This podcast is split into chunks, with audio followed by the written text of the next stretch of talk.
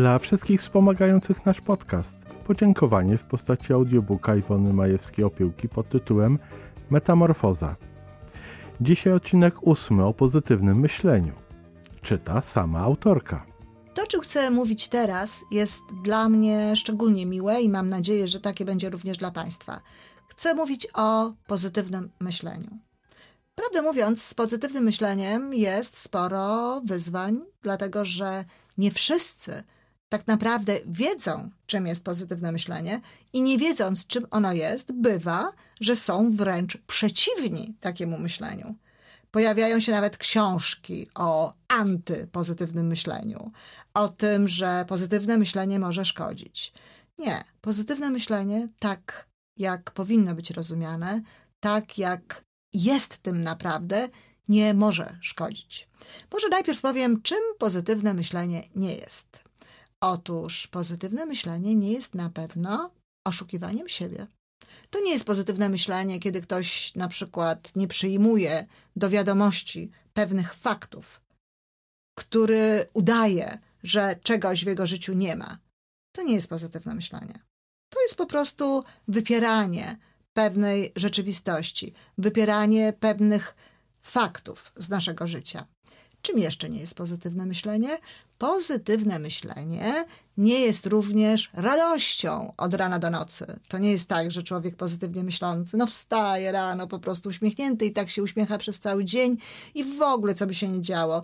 Najbardziej przykre historie w jego życiu i tak dalej, to on się uśmiecha. Oczywiście, że nie. Ludzie pozytywnie myślący cierpią, ludzie pozytywnie myślący płaczą, ludzie pozytywnie myślący odczuwają ból na różny sposób. Tyle tylko, że odczuwają ten ból, przeżywają ten ból i starają się również z tym bólem żyć normalnie, myśleć o przyszłości i w jakimś sensie nawet wykorzystać to bolesne doświadczenie do tego, żeby ich życie i życie osób dookoła było potem lepsze. Ja sama często spotykam się ze zdziwieniem niektórych ludzi, kiedy opowiadam na przykład o tym, że płakałam, czy o tym, że było mi przykro, to bywa, że słyszę, ty? Taka pozytywnie myśląca osoba? Oczywiście tak, taka pozytywnie os myśląca osoba jak ja również płacze. Pozytywne myślenie nie jest również cieszeniem się z tego, że ktoś inny ma gorzej niż my. Bo często ludzie pocieszają się w ten sposób, że a co tam, w Polsce jest dobrze, pomyślcie jak tam jest na przykład w tej Afryce. To nie jest pozytywne myślenie. To nie na tym polega, że ja mam się cieszyć swoją rzeczywistością w oparciu o to, że ktoś inny ma gorzej. Nikomu z tego nie jest lepiej. A jeśli człowiek jest wrażliwy, to raczej fakt, że komuś innemu jest źle, powinien wpływać w tym momencie na obniżenie jego nastroju. Pozytywne myślenie nie jest również irracjonalnym podejściem do życia, które opisywane jest czasami w takiej dość znanej historyjce. Otóż mówi się, że pozytywne myślenie to jest to, że jeśli na przykład ktoś jedzie samochodem, wiadomo, samochód ma cztery koła, jedno koło mu się popsuje, no to nic nie szkodzi, bo są jeszcze trzy. No oczywiście, że to nie jest pozytywne myślenie. To jest bezmyślność. To jest niemyślenie. To jest irracjonalne podejście do życia. Trzy koła niczego nam nie załatwią. W związku z tym nie ma tutaj żadnej mowy o tym, żeby to myślenie rzeczywiście mogło dać nam coś dobrego. To w takim razie czym jest pozytywne myślenie? Pozytywne myślenie jest taką umiejętnością patrzenia na sytuację i organizowania tej sytuacji w naszych myślach, czyli takiego postrzegania tej sytuacji, żeby można było albo przetworzyć ją tak, żeby nam w jakiś sposób służyła, żebyśmy mieli z tego jakąś korzyść. A jeśli niemożliwa jest żadna korzyść, to żeby ta sytuacja dawała nam chociaż nadzieję, żeby w jakiś sposób łagodziła nasz ból, nasze cierpienie, cokolwiek by to było. W wyniku pozytywnego myślenia następuje zawsze działanie. Działanie nastawione na rozwiązanie jakiegoś problemu, na sprostanie jakiemuś wyzwaniu, na zadziałanie w kierunku osiągnięcia celu czy zlikwidowaniu jakiejś przeszkody. Z pozytywnym myśleniem bardzo mocno związane jest działanie. Nie chodzi tylko o to, i niestety Tak myślą niektórzy ludzie, że to wystarczy, żeby siedzieć i pozytywnie myśleć. I powiem szczerze, że gdybym ja wiedziała o tym, że dla kogoś pozytywne myślenie to równa się siedzenie, wiara w to, że wszystko będzie dobrze i nie robienie niczego w tym kierunku, również przeciwna byłabym takiemu podejściu. Ale powtarzam, to nie jest pozytywne myślenie. Za pozytywnym myśleniem idzie działanie, bo pozytywne myślenie jest po to, żeby tę sytuację ustawić w taki sposób, żeby łatwiej nam było działać, żeby łatwiej nam było podejmować pewnego rodzaju zachowania, które w konsekwencji no coś nam dadzą. Cokolwiek. Mistrzem pozytywnego myślenia był Thomas Edison, autor fantastycznego wynalazku, za który jestem mu bardzo wdzięczna, żarówki. Edison w różnych momentach swojego życia, już na etapie prac przy tej żarówce, wykazywał się pozytywnym myśleniem. Pytano go na przykład, czy nie czuł się bardzo źle, kiedy miał świadomość tego, że ma 10 tysięcy porażek robiąc tę żarówkę. I Edison powiedział, że nie. On nie miał 10 tysięcy porażek. On miał 10 tysięcy informacji, jak nie należy robić żarówki. I to jest właśnie to. Pozytywne myślenie powoduje, że nawet tę sytuację z przeszłości, nawet to, co zdarzyło nam się już zrobić w tym momencie, możemy określić w taki sposób, że to nas nie niszczy, że to nas nie deprecjonuje, że nie pomniejsza naszej wartości, a wprost przeciwnie, buduje nas, daje nam pewnego rodzaju doświadczenie.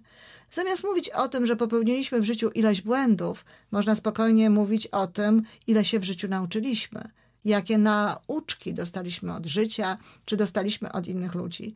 Bo tak naprawdę o to chodzi. Chodzi o to, że jeśli zdarzy się w naszym życiu coś, co zrobiliśmy, co okazało się nie zapewniać nam tego, na czym nam tak naprawdę zależało, to jeśli tylko zadamy sobie pytanie, czego się z tego nauczyłem, to już ta rzeczywistość niechciana zaczyna nabierać wartości. Czegoś się uczymy. To jest nauka.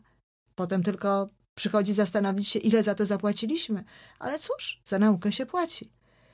Edison miał jeszcze inne, bardzo pozytywne zachowania. No niektóre doprowadzone były wręcz do zachowań niewiarygodnych dla niektórych ludzi. Otóż, kiedy paliły mu się jego zakłady w New Jersey, pierwszą rzeczą, jaką powiedział w momencie, kiedy już strażacy gasili ten ogień, to mówi do syna: skocz po matkę, bo nigdy w życiu nie będzie miała okazji zobaczyć takiego pięknego pożaru. Oczywiście w tym momencie ktoś może powiedzieć, jak to? No, pali mu się jego firma, palą mu się jego zakłady, a on myśli o tym, że pożar jest piękny i żeby podzielić się tym widokiem e, z żoną. No ale z drugiej strony, co on może zrobić w tym momencie? To się pali. Strażacy gaszą.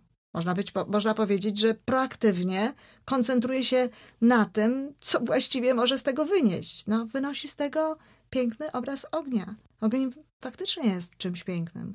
Faktycznie jest pięknym zjawiskiem.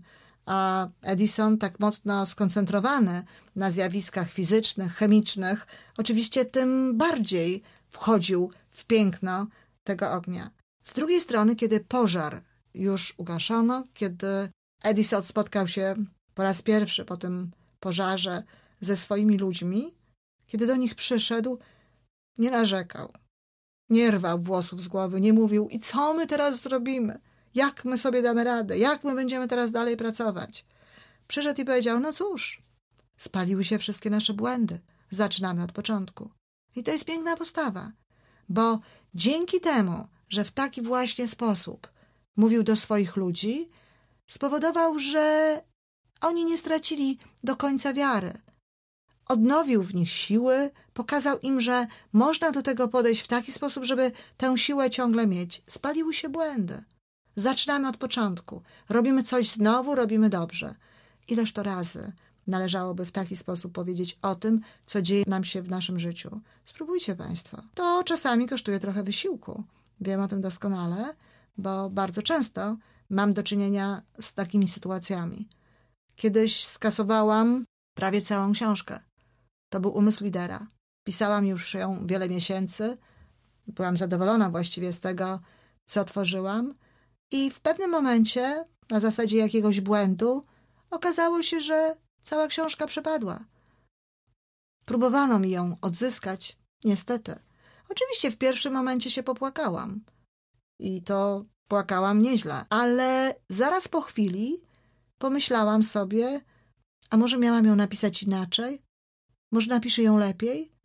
I zaraz, zaraz jak tylko o tym pomyślałam, usiadłam znowu do komputera i wpisałam pierwszych kilka zdań, żeby znowu było tak, że następnego dnia rano wstaję i zasiadam do biurka, do książki, którą piszę, której chociaż fragment, chociaż maleńka część, ale która jest już napisana. I na tym polega pozytywne myślenie. Oczywiście, czego się jeszcze z tego nauczyłam? Nauczyłam się również, żeby zapisywać każdy, najmniejszy nawet fragment napisanego już tekstu. Dzisiaj po kilka razy zapisuję na oddzielnym nośniku jeszcze na wszelki wypadek, żeby ta treść mi nie uciekła. Wielka nauka, lekcja i pozytywna sprawa. Dlatego, jeśli w ten sposób patrzymy na to, co się z nami dzieje, to rzeczywiście możemy bardziej korzystać z tej rzeczywistości i możemy bardziej się uczyć. I Edison o tym wiedział. On prawdopodobnie czuł to intuicyjnie. To jest również bardzo ważne, żeby w taki sposób z innymi ludźmi postępować. Popatrzcie Państwo, dookoła jest bardzo dużo ludzi, którzy zupełnie inaczej oceniają tę rzeczywistość. Wprost przeciwnie, nie dodają ludziom energii, nie dodają ludziom chęci do działania ani radości, tylko zabierają im tę energię. Przyznam szczerze, że nazywam takich ludzi bakteriami, bo to jest taka bakteria. To jest taka bakteria, która powoduje właśnie taką infekcję negatywnego myślenia. A kiedy człowiek myśli negatywnie, to nie tylko nie ma energii fizycznie, ale również nie ma inwencji, nie ma ochoty podejmować działań. Bo po co? To się i tak nie uda. To się nie da. Jeżeli jeszcze temu towarzyszyć będzie brak poczucia obfitości, czyli konkretnie mówiąc mentalność braku, to wówczas tacy ludzie nie robią ze swoim życiem praktycznie nic. Jedyne na czym się skupiają to narzekanie i opowiadanie tego, jakie to życie jest niedobre. I tutaj oczywiście Państwo znają już cechę zwaną proaktywnością, natychmiast przychodzi nam do głowy również to, że osoby te koncentrują się nie na sferze swojego wpływu. Czyli nie są proaktywne. Koncentrują się tak naprawdę na tym, co jest wokół nich. Koncentrują się na otoczeniu. To jest właśnie przyczyna większości naszych zachowań nieskutecznych, naszych problemów, które zamiast rozwiązywać, stają się coraz większe. Pozytywne myślenie jest niezwykle potrzebne do tego, żeby człowiek chciał rzeczywiście działać. Pamiętacie Państwo Poliannę? Piękna książka dla dzieci, ale myślę, że nie jeden dorosły człowiek mógłby z tego skorzystać. A tymczasem to trochę dziwne. W Stanach, kiedy chce się komuś powiedzieć, że jest zbyt pozytywnie myślący, mówi się: Ty nie bądź taka Polianna. A przecież Polianna była fantastyczną dziewczynką. Za jej sprawą, za jej wiarą w ludzi, za jej pozytywnym myśleniem i działaniem, jakie szło za tym, za jej pełnym miłości, podejściem do innych ludzi, zmieniło się całe miasto. Polianna uszczęśliwiła mnóstwo ludzi. Polianna pokazała niejednej osobie, jak można się cieszyć w sytuacji, w której tejże osobie wydawało się, że cieszyć się nie ma z czego. Ojciec Polianny był pastorem i jednocześnie bardzo dobrym człowiekiem i nauczył Poliannę zabawy w grę cieszę się z czegoś. Czyli cieszę się z czegoś, z czego mogę się cieszyć. Patrzę na to, co jest w życiu moim takiego, że jednak ciągle pozwala mi zachować tę radość. Czasami oczywiście było to bardzo przykre i prowadziło z konieczności do tego, żeby cieszyć się sprawami minimalnymi, sprawami naprawdę maleńkimi, jak wtedy chociażby, kiedy Polianna bardzo chciała dostać lalkę na gwiazdkę. Niestety ojciec rozdał wszystkie prezenty, które dostał od dobrych ludzi, między innymi również lalki, a to, co zostało im, co zostało Poliannie, to były kule. Takie kule, których używają ludzie mający problemy z nogami. No, w żaden sposób nie była to miła rzecz dla Polianny. I wtedy ojciec powiedział: Ach, cieszmy się z tego, że ich nie potrzebujemy. To jest oczywiście nie to, czego ja bym chciała dla większości ludzi. Ale jest to jednak ta droga, która pozwala w tym momencie skoncentrować się na zdrowiu. Cieszmy się, że jesteśmy zdrowi. Cieszmy się, że mamy te dwie nogi i za sprawą tych nóg i całego naszego zdrowia możemy w przyszłości osiągać inne kolejne rzeczy. Zawsze trzeba popatrzeć dookoła siebie, z czego się można cieszyć, z czego się można cieszyć w tym momencie. Jedno ze znakomitych ćwiczeń na budowanie pozytywnego myślenia polega właśnie na tym, żeby wieczorem po zakończonym dniu usiąść i napisać 40 pozytywnych wydarzeń minionego dnia. I żeby w taki sposób postępować przez tydzień. Codziennie wieczorem 40 wydarzeń pozytywnych dnia, który minął.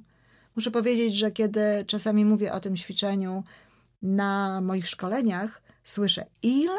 I w tym słowie ile brzmi informacja, ależ to jest niemożliwe. Nie ma tylu wydarzeń. Proszę Państwa, jest o wiele więcej pozytywnych wydarzeń. Tylko my nie koncentrujemy się na nich, jeśli nie nauczymy się właśnie na nich koncentrować. Proszę sobie wyobrazić, jak będzie zachowywał się od rana ktoś, kto wie, że wieczorem ma zapisać 40 pozytywnych wydarzeń. No, oczywiście będzie ich szukał. Na każde zdarzenie będzie patrzył tak, żeby ewentualnie znaleźć tam coś pozytywnego. Nie wiem, przykładowo sąsiedzi spotkani gdzieś na drodze idą, jedna z tych osób się uśmiechnie, druga nie. Zauważy tę, która się uśmiechnęła. Jeżeli wyjdzie na dwór zimą i będzie padał śnieg, będzie widział urodę tego padającego śniegu i cieszył się, że ma ciepłe palto, które powoduje, że ten śnieg zimą nie jest dla niego wielkim wyzwaniem. To jest pozytywne myślenie. To jest umiejętność docenienia tego, co w naszym życiu ciągle jest dobre, nawet jeśli inne rzeczy nie są najlepsze.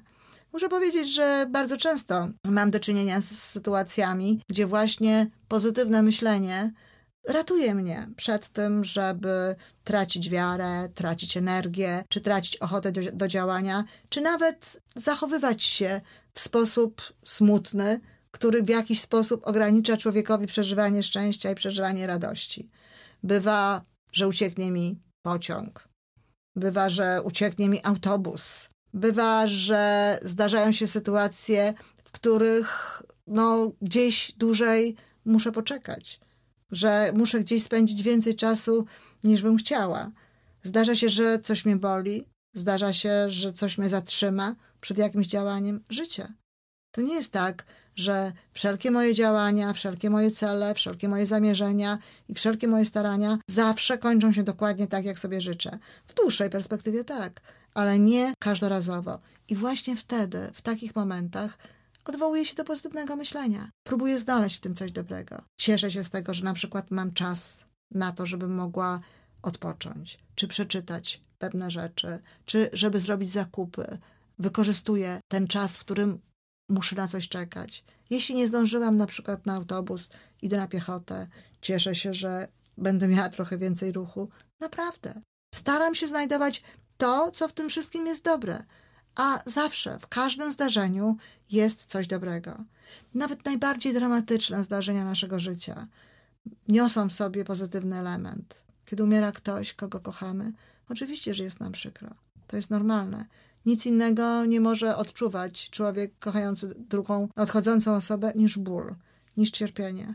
Ale czy w tym wszystkim też nie ma jakiejś dobrej informacji? Dla ludzi, którzy wierzą w Boga, jest jedna podstawowa informacja. Przecież ten człowiek nie odchodzi w niebyt. Przecież ten człowiek gdzieś będzie dalej egzystował nie w formie cielesnej, ale w formie duchowej. To jest, ta, to, jest to pocieszenie, które w tym momencie należałoby uruchomić. Mało tego, czasami ludzie umierają po ciężkiej chorobie, więc przestają się męczyć. Są jeszcze inne sytuacje. Pamiętam sytuację, kiedy umarło małżeństwo, zginęło w wypadku samochodowym. Starsi ludzie, na tyle starsi, że mieli już dorosłe wnuki. I umarli razem, zginęli razem w tym wypadku. Na bardzo smutnym pożegnaniu jedna z wnuczek powiedziała: Słuchajcie, pamiętacie? Dziadkowie zawsze się modlili, żeby umrzeć razem. No tak, z ich punktu widzenia, to właściwie stało się dobrze. I to jest prawda. I to jest też ten pozytywny element, który gdzieś jest, który warto znaleźć, który warto wychwycić po to, żeby w tym naszym bólu, w tym naszym cierpieniu była jakaś iskierka nadziei, była jakaś iskierka dobra. Wtedy ten ból wygląda inaczej. Ból, który, którego nie rozumiemy, ból, który przepełniony jest tylko i wyłącznie goryczą, jest bólem niezdrowym. Ból, który wypełniony jest jednocześnie rodzajem wdzięczności, rodzajem nadziei, jest, jeśli można tak powiedzieć, bólem zdrowym. Inne wykorzystanie, inne podejście do pozytywnego myślenia potrzebna jest wtedy, kiedy są w naszym życiu zdarzenia, z którymi bardzo trudno jest nam sobie poradzić i faktycznie nie mamy zbyt wielu możliwości, żeby coś z tym zrobić. Muszę powiedzieć, że jeśli chodzi o pozytywne myślenie, to jest to jedyna cecha, nad którą nigdy nie musiałam pracować. Każda z cech, o których tutaj Państwu mówię, poczucie własnej wartości, proaktywność, poczucie obfitości, spójność wewnętrzna, o której będę mówiła w następnym wykładzie, to były cechy, nad którymi pracowałam i to pracowałam dość konkretnie. Natomiast pozytywne myślenie to jest cecha, którą miałam zawsze. Pamiętam, jako dziecko stosowałam pewnego rodzaju techniki, nie wiedząc o tym, że cokolwiek stosuję, które ułatwiały mi takie pozytywne myślenie. Na przykład, kiedy nie chciałam o czymś myśleć, kiedy myślenie na ten temat było zbyt bolesne, albo wywoływało u mnie dziecięce lęki, kręciłam głową i mówiłam, nie chcę o tym myśleć. Jakież to było proaktywne, jakież to było rozsądne. Proaktywność, pamiętamy, polega na tym, że to ja wybieram myśli. To nie jest tak, że człowiek musi myśleć o wszystkim, co przychodzi mu do głowy. Człowiek wybiera, o czym chce myśleć. Jeśli nie chce myśleć, mówię nie. Ja nawet kręciłam głową w taki sposób, który, który jak gdyby odsyłał ode mnie tę myśl. Pamiętają Państwo, no szczególnie może Panie, jak Scarlett O'Hara w filmie Przeminęło z wiatrem mówiła pomyślę o tym jutro? Otóż to. Po co myśleć o czymś, co jest niedobre, o czymś, co niczemu nie służy, co tylko zabiera nam energię albo powoduje, że jesteśmy smutni dziś, kiedy możemy o tym pomyśleć jutro, albo możemy w ogóle nie myśleć o tym nigdy. Ja na przykład myśli, której nie lubiłam i z którą rozprawiałam się w taki właśnie sposób, to było to, że umrze moja babcia. Babcia, która się mną zajmowała, która mną się opiekowała, którą bardzo kochałam. I kiedy przychodziło mi do głowy, że ona umrze, to odczuwałam nieprawdopodobny lęk. W związku z tym odsuwałam od siebie tę myśl. I bardzo dobrze. Babcia żyła 92 lata. Byłam dojrzałą kobietą kiedy rozstałam się z babcią. A te myśli byłyby tylko czymś, co rodziłoby we mnie niepotrzebny lęk. Inna metoda, jaką wypracowałam sobie na to, żeby radzić sobie z trudnymi sytuacjami w swoim życiu, z takimi właśnie przykrymi momentami, która, jak mówię, okazała się też być również techniką, to jest to, co dzisiaj nazywam techniką fotela dentystycznego kiedy chodziłam do dentysty, a w tamtych czasach dentysta to naprawdę nie było nic miłego. Dzisiaj to dla ludzi, którzy dbają o zęby, jest to czasami wręcz przyjemność. Natomiast wówczas było to niezwykle bolesne i naprawdę wymagało od dziecka dużego samozaparcia. I ja pamiętam, że siedziałam na tym fotelu z tym bólem fizycznym i mówiłam sobie: To się kiedyś skończy. I to jest prawda. To się kiedyś skończy. Wszystko, co możemy powiedzieć w niektórych sytuacjach, w sytuacjach trudnych, to jest właśnie to. To się kiedyś skończy. Ilekroć jestem gdzieś daleko od domu, wracam do niego, nie jestem specjalnie wypoczęta, nawet zmęczona, spędziłam dużo czasu w pociągu, jest mi zimno albo czuję się z jakiegoś innego powodu nie najlepiej, Myślę sobie właśnie o tym, że za chwilę będę w domu, że to się kiedyś skończy, że będę w domu, w ciepłym domu, gdzie mam ciepły koc, gdzie mam ciepły napój, gdzie mam ulubiony fotel, gdzie mam książkę, gdzie mam dobre łóżko, wszystko to, co zgromadziłam sobie właśnie w życiu po to, żeby było mi miło. I to pomaga. To pomaga. Jednocześnie jednak nie można ulegać tej trudnej sytuacji. Nie można pozwolić na to, żeby ona nas przytłaczała jak Państwo dobrze przyjrzą się czasami sobie albo innym osobom w momentach, w których pozwalają na to, by sytuacja negatywnie ich przytłoczyła, by rzeczywiście odcisnęła na nich to swoje negatywne piętno, możecie zobaczyć, że się kurczą. Możecie zobaczyć, że pochylają ramiona. Możecie zobaczyć, że idą wolniej. Możecie zobaczyć, że pochylają głowę. Kiedy widzimy człowieka z pochyloną głową, który idzie wolno, który gdzieś patrzy właśnie w ziemię, czy kuli się w sobie, no, zapytani o to, jak myślimy, czy jest mu w tym do momencie dobrze, na pewno zaprzeczymy. Dlatego tak ważną sprawą jest również to w pozytywnym myśleniu, żeby działać. Kiedy robi mi się źle, kiedy robi mi się przykro, kiedy czuję się bardzo zmęczona, kiedy czuję się właśnie bardzo daleko od domu, a przede mną jest jeszcze droga, jest jeszcze czas. Jeśli idę, przyspieszam kroku, podnoszę głowę, prostuję się. Jeżeli siedzę, również się prostuję, uśmiecham się, uśmiecham się sama do siebie, bo uśmiech, nawet wtedy, kiedy nie jest powodowany reakcją z zewnątrz, dokonuje pewnych zmian, nawet chemicznych, w naszym ciele i powoduje, że robi nam się od razu lepiej. Znowu, proaktywnie, w kręgu własnego wpływu, działam na siebie tak, żeby dołożyć sobie pozytywnego myślenia, pozytywnej energii. To wszak zależy ode mnie. Co dalej możemy robić, żeby myśleć pozytywnie? Ano, słowa. Bardzo pięknie powiedział Orwell, ten, który napisał m.in. rok 1984. Jeżeli myślenie może degenerować język, to język degeneruje myślenie. I język degeneruje myślenie. Słowa, jakich używamy, powodują, że wytwarzamy taki sam nastrój, tak w sobie, jak i w ludziach dookoła nas. Dlatego po pierwsze, w żadnym wypadku nie należy używać języka wulgarnego. Język wulgarny zabija w nas duchowe wartości, zabija w nas duchową siłę, ale też nie należy używać języka, który nas osłabia. Języka, który wprowadza właśnie negatywną ocenę. Po co mówić złe, jeśli można powiedzieć niedobre? Po co mówić jestem chory, kiedy można powiedzieć nie czuję się dobrze, nie jestem zdrowy? Chodzi po prostu o to, żeby nadawać wyrażeniom jak gdyby mniej silną, negatywną formę. Poprzez te słowa osłabiamy również te negatywne uczucia w nas i w inny sposób programujemy naszą podświadomość. Dlatego starajmy się używać wszędzie tam, gdzie to jest możliwe, słów pozytywnych. Jeśli można zastąpić słowo problem słowem wyzwanie, zastępujmy. Jeżeli można zastąpić słowo zły słowem niedobry, zastępujmy. Jeżeli można jakąkolwiek inną sytuację określić mniej silnym słowem, róbmy to.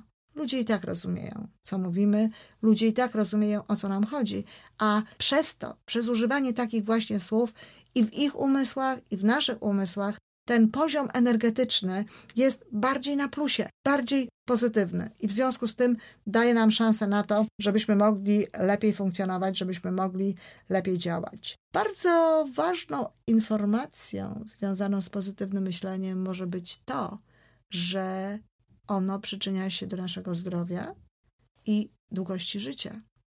Ludzie, którzy myślą pozytywnie, którzy się często śmieją, którzy nastawieni są w sposób taki ciepły do otoczenia, wytwarzają w swoim organizmie endorfiny.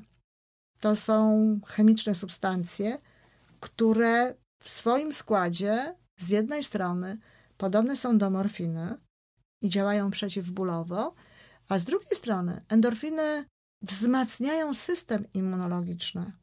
W związku z czym osoby, które myślą pozytywnie, które, jak mówię, mają dużo radości, dużo śmiechu, rzadziej chorują. Jeśli chorują, to chorują lżej, krócej, lepiej to znoszą. Takie osoby dłużej żyją. Takie osoby również nie odczuwają tak bardzo bólu jak inne osoby, które myślą raczej negatywnie. Zresztą Proszę sobie wyobrazić sytuację, kiedy w czymś się bardzo dobrze czujemy, bawimy się, jest jakaś, jakieś przyjęcie, jakiś bal, jakaś impreza towarzyska, która daje nam dużo radości. Czy w takich momentach czujemy na przykład, że obcierają nas buty? Bardzo często jest tak, że po skończonym balu okazuje się, że pięty są poobcierane, a niczego się nie czuły. To na pewno wie nie jedna kobieta, która popełniła niestety ten błąd, z którego warto byłoby wy, wysnuć dobrą lekcję, że poszła na jakąś imprezę w nowych butach. W każdym razie rzeczywiście tego się nie czuje. Nie czuje się dlatego, że człowiekowi jest wtedy dobrze. Działają endorfiny. Natomiast wtedy, kiedy nie jest nam dobrze, nawet najmniejszy ból, nawet najmniejsze odczucia fizyczne, negatywne w naszym ciele urastają do rangi wielkich bólów. To widzę czasami u starszych ludzi. Widzę, jak inaczej przeżywają ten okres ludzie, którzy działają, którzy są aktywni, którzy ciągle mają w swoim życiu mnóstwo radości, a jak inaczej przeżywają to ludzie, którzy są sami, którzy nie potrafili sobie postawić odpowiednich celów, którzy nie mają wokół siebie bliskich ludzi, ci drudzy bardzo skoncentrowani są na swoim bólu, na swojej chorobie i bardzo często na swoim nieszczęściu. Dlatego tak ważną sprawą również dla zdrowia jest zadbanie o pozytywne myślenie. Podsumowując, co możemy zrobić, żeby pozytywnie myśleć? Uśmiechnąć się z rana do siebie, już jak się budzimy. To pierwszy taki pozytywny sygnał. Warto podziękować wtedy Bogu, podświadomości zbiorowej, losowi, w zależności od światopoglądu, że się obudziliśmy. Nie każdy się budzi co rano. To już jest pierwszy sukces, pierwsza pozytywna informacja. Wstając, starajmy się koncentrować na tym, co dobre. Nigdy nie narzekajmy od samego rana na pogodę, na poniedziałek, na to, że trzeba iść do pracy, albo nie mówmy tego w ogóle, albo mówmy takie rzeczy, które są dobre, które są pozytywne, które nas wzmacniają.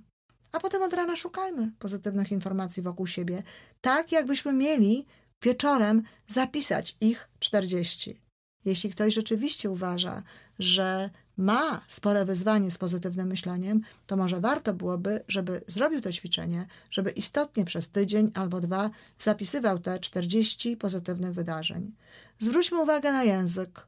Używajmy słów pozytywnych, albo jeśli musimy powiedzieć już coś, co jest negatywne, starajmy się w jakiś sposób osłabić tego moc żeby nie programowało ono ani nas, ani innych ludzi zbyt silnie na negatywne strony tego świata. Tłumaczmy sobie w rozsądny sposób, używając czasem nawet naszego świadomego dyskutowania z tym, co słyszymy, tłumaczmy sobie rzeczywistość. Prosty przykład. Mam znajomego, który bardzo negatywnie myśli i który bardzo dużo czasu spędza przed telewizorem, słuchając różnego rodzaju wiadomości, różnego rodzaju doniesień o tym, co złego wydarzyło się na świecie. I któregoś razu, kiedy przyszłam do nich, prawdę powiedziawszy, do jego żony, która jest bardzo miłą, bardzo ciepłą kobietą, usłyszałam: No, i co powiesz, ty pozytywnie myśląca, bo w taki sposób zwraca się do mnie ów znajomy. Dzisiaj znowu dwie osoby zginęły w Warszawie. Niedługo nie będzie można wyjść na ulicę. No faktycznie jakieś dwie osoby zginęły, jak się później okazało, w porachunkach mafijnych. Dlaczego nie można wyjść na ulicę, że dwie osoby zginęły w porachunkach mafijnych? To nie jest jakaś nieprawdopodobna informacja.